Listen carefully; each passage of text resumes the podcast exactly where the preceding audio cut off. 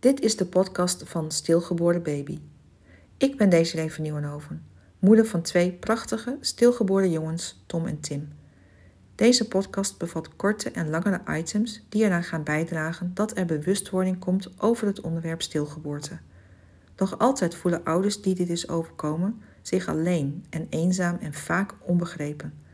Ik wil ervoor zorgen dat deze gevoelens de wereld uitgaan.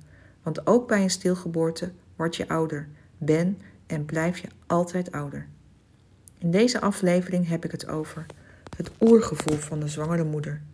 Tijdens gesprekken met vrouwen die mijn hulp als ervaringsdeskundige inroepen om weer in hun kracht te komen na het drama dat hen is overkomen, komt regelmatig naar voren dat zij zich schuldig voelen omdat professionals niet naar hen luisterden. Deze vrouwen geven vaak aan dat er niet goed geluisterd wordt. Ze trokken tevergeefs aan de bel bij een verloskundige of arts in het ziekenhuis, maar kregen geen gehoor. Achteraf blijkt vaak dat deze vrouwen het bij het juiste eind hebben, dat er iets aan de hand was met het ongeboren kindje. Het gebeurt nog zeer regelmatig dat aanstaande moeders niet worden gehoord, of nog erger, dat er niet eens naar hen geluisterd wordt en dat hun terechte zorgen weggewoven worden door de verloskundige, arts of zorgmedewerker. Het moederinstinct is zo sterk. Moeders voelen echt wel als er iets met hun kindje of zwangerschap los is. Achteraf blijkt regelmatig dat moeders van een stilgeboren kind haar fijn aanvoelden dat er iets mis was met hun kindje of zwangerschap. Met het inroepen van hulp van een specialist als gynaecoloog of verloskundige mag je verwachten dat jouw klachten serieus genomen worden, dat jouw zorgen niet aan de kant worden geschoven of afgedaan worden met het komt allemaal goed, maak je geen zorgen. Helaas blijkt in de dagelijkse praktijk dat zwangere aanstaande moeders het regelmaat bij het rechte eind hebben.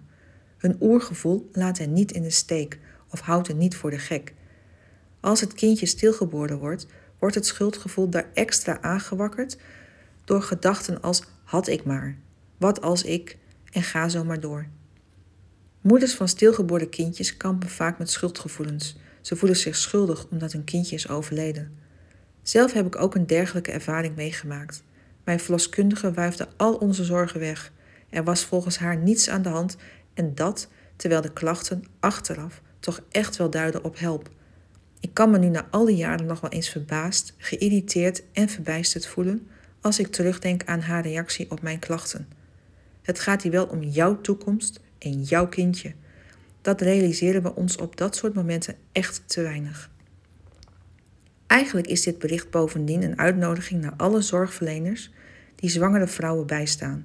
Luister naar de zwangere moeders. Hun oergevoel laat hen niet in de steek. Abonneer je op mijn kanaal om erkenning, herkenning te krijgen over stilgeboorte. Ken je mensen in jouw omgeving die dit is overkomen? Attendeer hen dan op deze podcast. Samen krijgen we het taboe dat op stilgeboorte rust de wereld uit. Wil je meer weten over stilgeboorte en door welk proces je als ouder heen gaat? Lees of luister dan mijn boek. Het boek Stilgeboren is te bestellen op stilgeborenbaby.nl.